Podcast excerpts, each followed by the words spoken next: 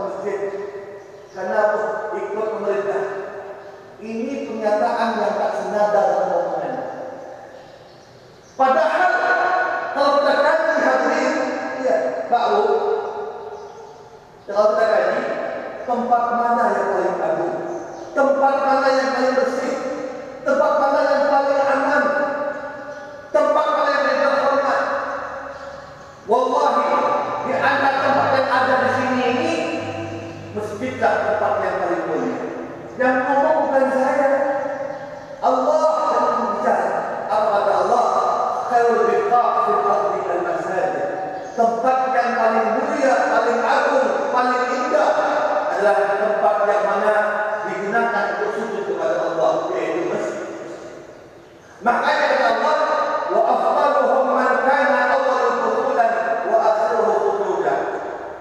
Di antara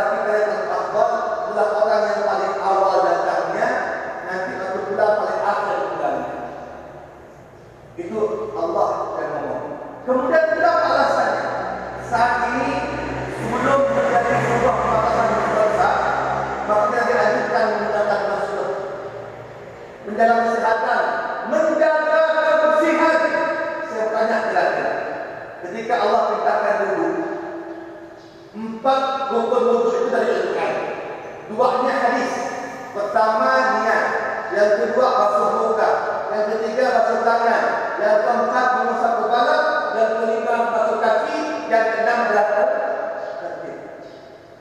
Dari yang ada itu tiganya itu dengan kalimat membasuh. Kajian fikih itu Pak, membasuh itu mengambil air, kemudian mencurahkan ke tempat bagian tubuh yang dibasuh dan tubuh itu mengalir muka, tangan, kaki. Tidak hanya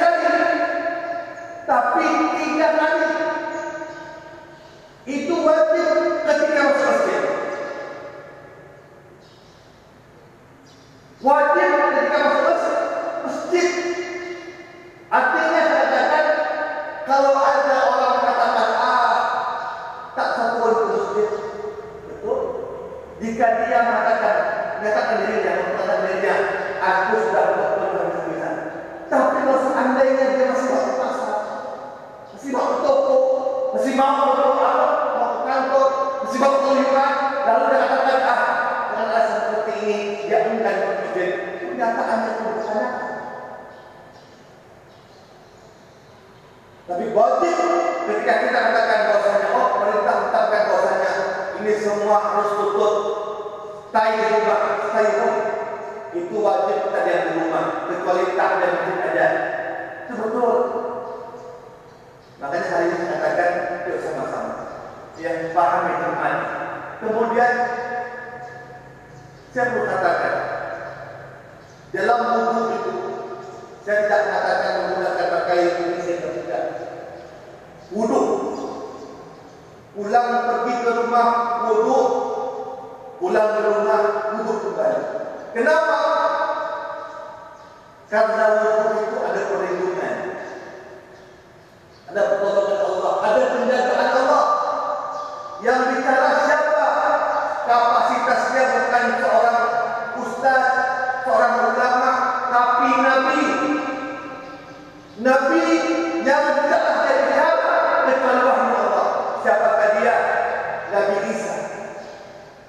Nabi yang sebagai umat lain mengatakan ini adalah umat Tuhan. Apa kata Nabi Isa? Idza asabatka musibatan wa anta ala ghairi taharatin fala tadkhulna illa nafs. Jika ini kena musibah di luar sana, anta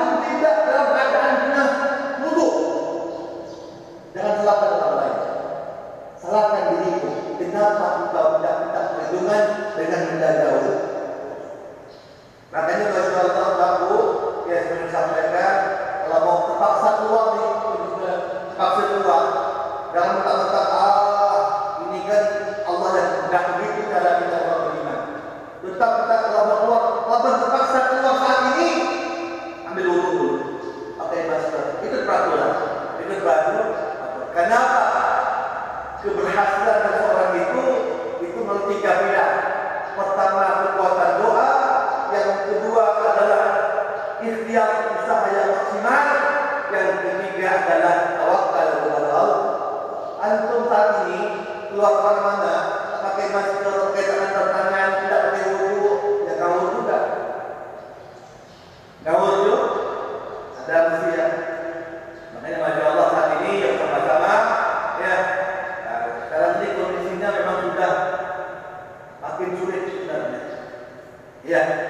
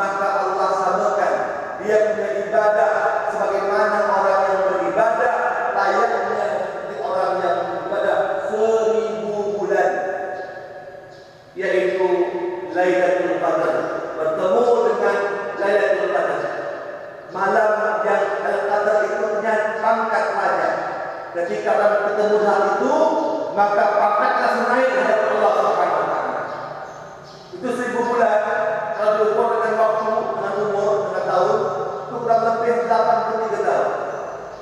Di sini saya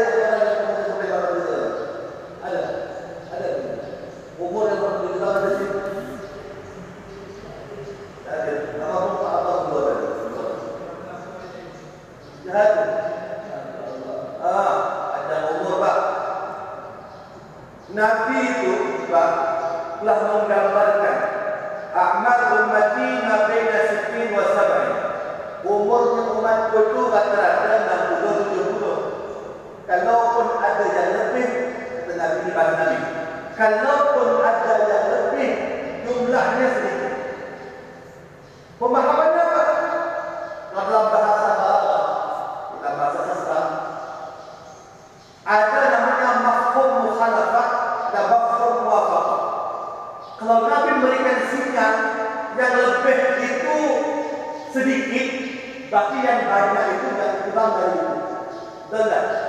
Yang lebih dari yang puluh sedikit. Pemahamannya berarti yang kurang dari itu, Pak. Akhirnya saya lihat dalam ini yang saya tahu saya, yang saya tahu itu dari Ustaz saja yang saya itu dari tahun-tahun Syekh Abdul Rahman Taluga 40 ribu. Habib Munzir 40. Ustaz Uji 40 ribu. 40. Ya. Terus Ustaz Muntaha itu 40 ribu. Ustaz siapa? Bilham 40 ribu. Ustaz Fuad dengan Syahab 36. Apa saya ngeri-ngeri ini? Yang paling saya Ustaz ini. Masya Allah. Nah, tapi yang namanya sudah sampai waktu itu tak ada ustaz, tak ada ibu, tak ada tua, tak ada muda. Ya, kita mesti siap. Mesti siap. Kita tak minta, tapi harus siap. Minimal apa yang kita persiapkan. Ya, itulah yang saat saya katakan. Bapak Ibu yang berbahagia saya sampaikan untuk yang mereka baru hijrah. Masa dalam mereka baru hijrah. Baru hijrah di umur yang sangat muda. Saya ingin sampaikan tidak perlu kecewa. Masih bisa mengejar ketinggalan tersebut dengan menjaga empat waktu. Empat waktu. Kapankah itu? Yang pertama waktu qabel saja. Sebelum subuh bangun. Tahajud, hajat. Saya yakin insya Allah jika semua manusia di permukaan bumi ini, khususnya di kota Pontianak, khususnya di Indonesia ini, mereka semuanya menyadari haber rezado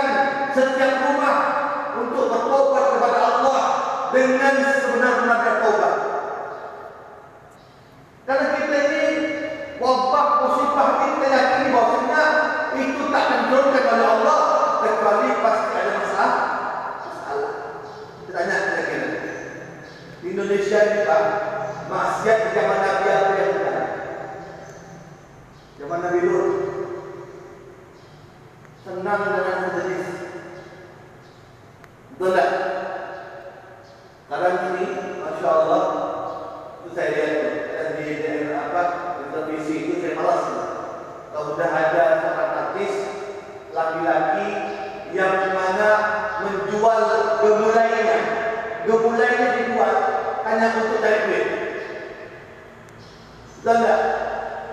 Ada satu orang artis depan bapaknya dia gagal, tapi di depan televisi dia gemulai.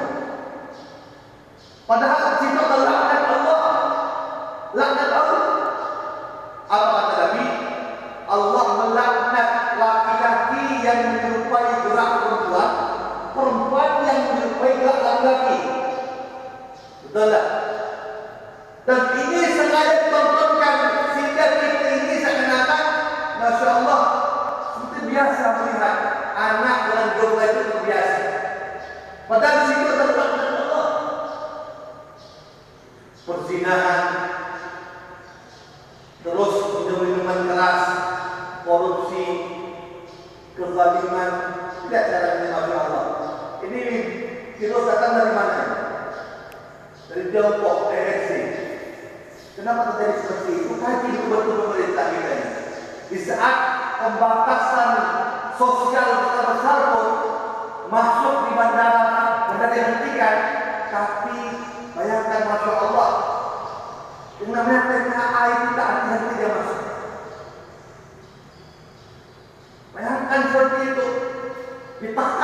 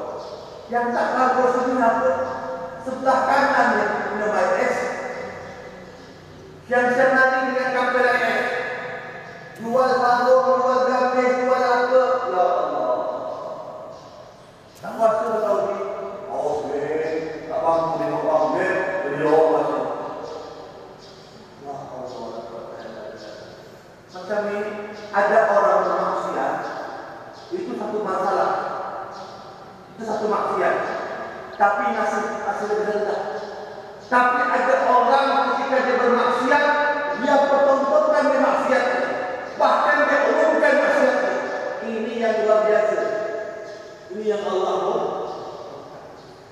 Kita tak kuasa. Dan rumah ya. betul.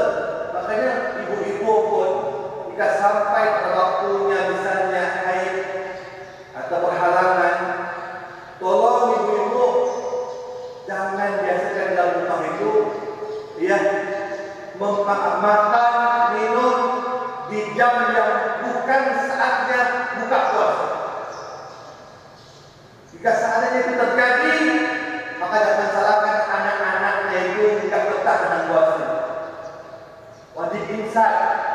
wakil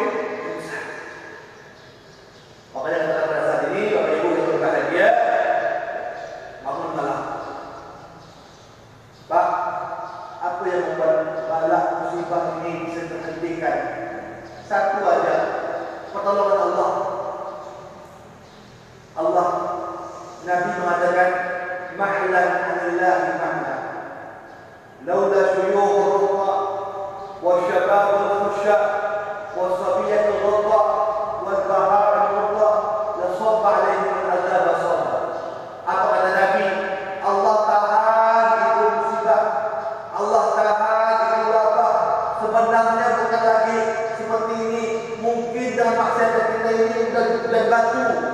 dihantam dengan angin, gelombang, petir.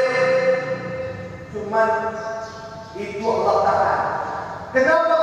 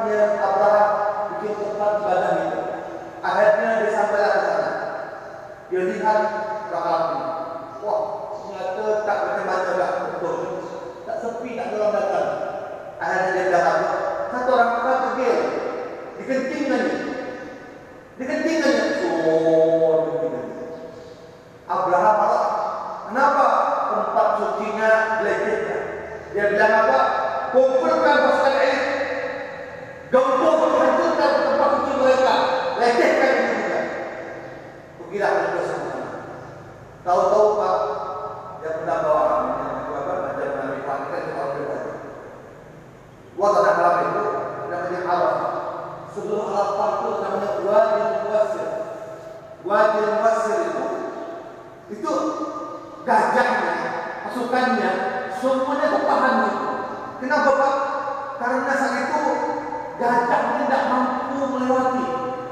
Dipecut tak mau. Akhirnya apa?